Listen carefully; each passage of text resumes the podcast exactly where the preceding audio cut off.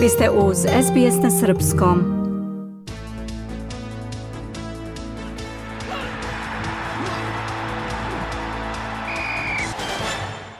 Košarkaška reprezentacija Srbije napravila je veliki korak ka plasmanu na Evropsko prvenstvo 2025. pošto je u drugom kolu kvalifikacija pobedila Gruziju sa 76-63.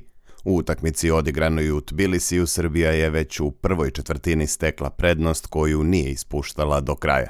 Najefikasniji u timu selektora Pešića bili su Marko Gudurić sa 16 i Vanja Marinković sa 15 poena, dok su odličnu partiju pružili i Filip Petrušev i Aleksa Avramović.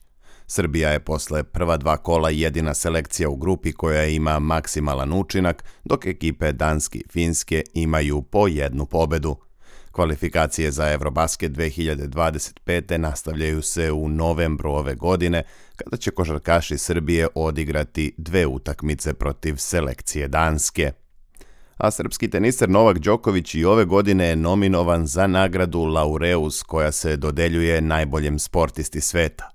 Pored Đokovića u konkurenciji su još futbaleri Erling Haaland i Lionel Messi, atletičari Mondo Duplantis i Noah Lyles – kao i vozač Formule 1 Max Verstappen.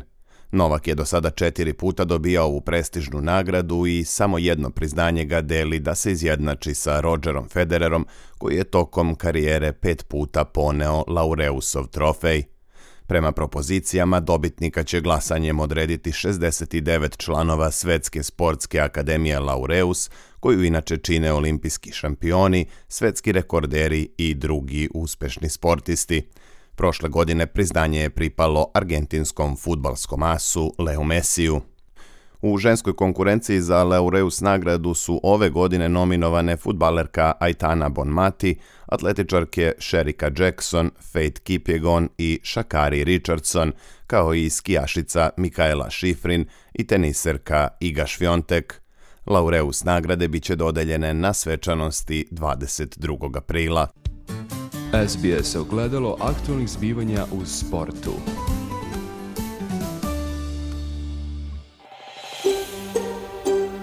Želite da čujete još priča poput ove?